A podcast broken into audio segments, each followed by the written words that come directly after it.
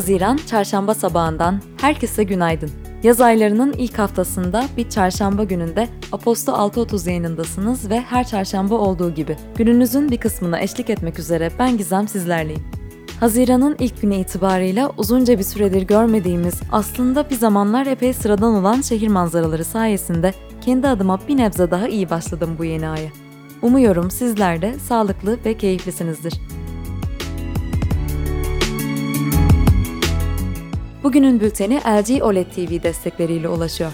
Herkesin eğlence ihtiyacını karşılayan bütünsel teknolojiler geliştiren 2021 LG OLED TV serisi yeni modelleriyle olağanüstü bir ev eğlencesi deneyimi sunuyor.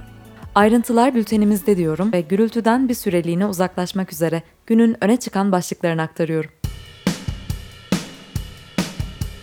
Piyasalar ve ekonomi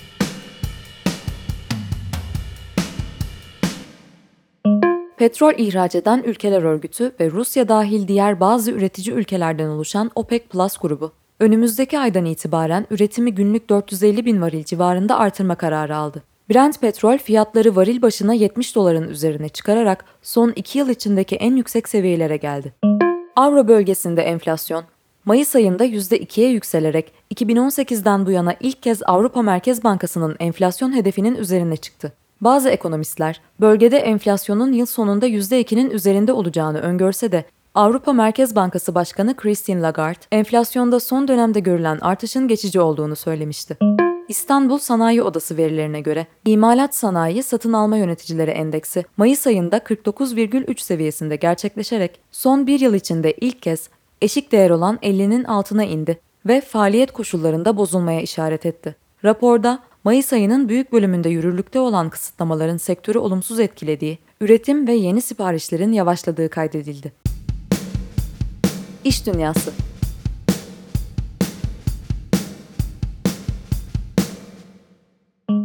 Rekabet Kurumu bazı devralma ve birleşme işlemlerini onayladı. O yağın tam ek gıdayı satın alması onaylandı. Aslı Böreğin İstanbul'da bulunan üretim tesisi ve mağazalarının Exxon Gıda'ya devredilmesine onay çıktı. CNN, şirket içinde CNN Plus olarak bilinen bir çevrim içi video akış platformu kurmaya hazırlanıyor.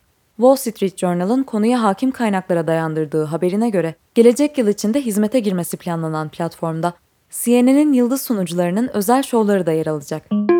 Daimler, araç iletişimi, navigasyon sistemleri ve sürücüsüz araçlarda kullanılan teknolojilerin patentlerini elinde barındıran Nokia'ya patent ücreti ödemeyi kabul etti.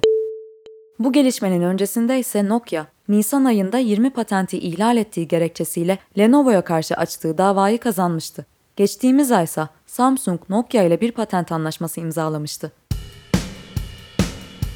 Politika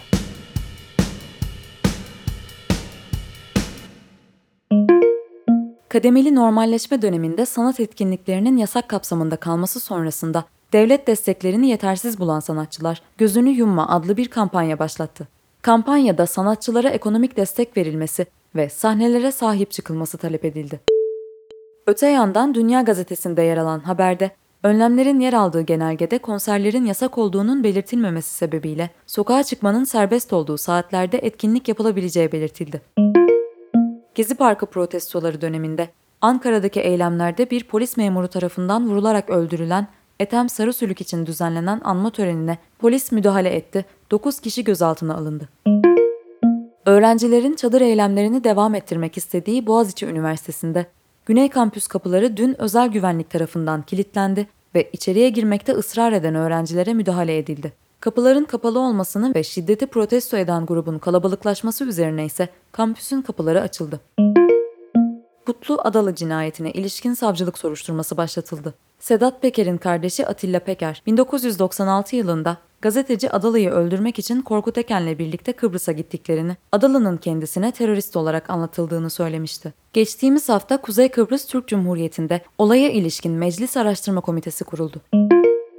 Yargıtay Cumhuriyet Başsavcısı Bekir Şahin, HDP'nin kapatılması talebiyle hazırlanan ve eksikler sebebiyle Anayasa Mahkemesi tarafından iade edilen iddianamenin tekrar hazırlandığını açıkladı.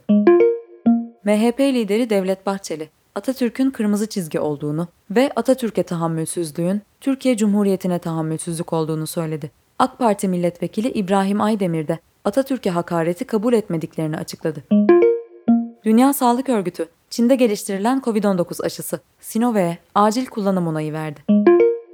Suudi Arabistan'da ezan sesinin yüksekliği sebebiyle çocuklu aileler ve yaşlılardan gelen şikayetler üzerine cami hoparlörlerinden üçte bir oranında daha kısık sesle ezan okunacağı açıklandı. Teknoloji ve Startup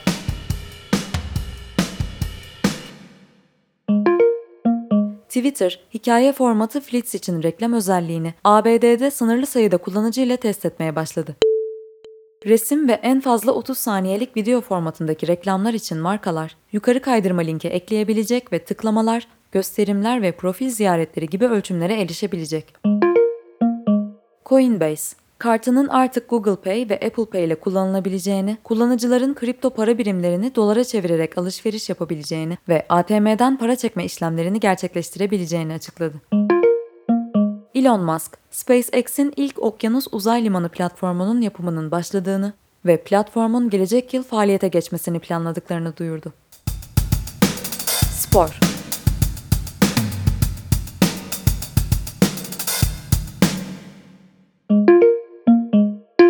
Fenerbahçe Başkanı Ali Koç, ligin son haftalarında teknik direktörlük görevini üstlenen Emre Belezoğlu'nun gelecek sezon takımın başında olmayacağını açıkladı. Adidas'la yollarını ayıran Fenerbahçe, Puma ile anlaştığını resmen duyurdu. Öte yandan önümüzdeki sezondan itibaren formalarda yıldız kullanılmayacağı açıklandı. İspanya La Liga ekiplerinden Real Madrid, teknik direktörlük görevi için Carlo Ancelotti ile 3 yıllık anlaşmaya vardığını açıkladı. Günün hikayesi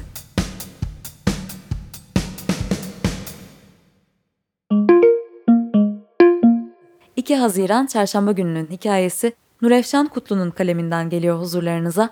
TCMB'nin kripto varlıklar raporu başlıklı o yazının bir kısmını şimdi sizlere aktarıyor olacağım.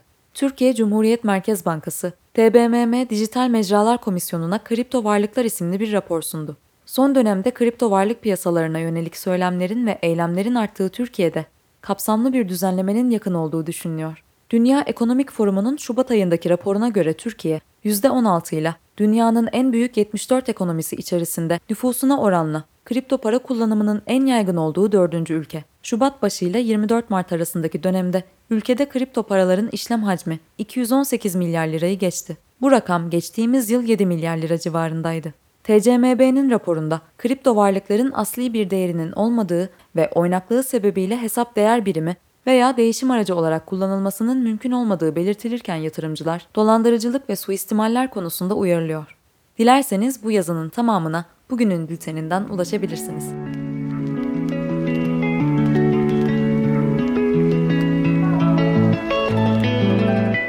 Yaz aylarının ilk çarşambasında Aposto 6.30 yayınında ben Gizem sizlerleydim. Her çarşamba olduğu gibi gündemin öne çıkanlarını paylaştım sizlerle. Sizlere veda ederken mutlu bir hafta diliyorum. Tekrar buluşana dek hoşçakalın.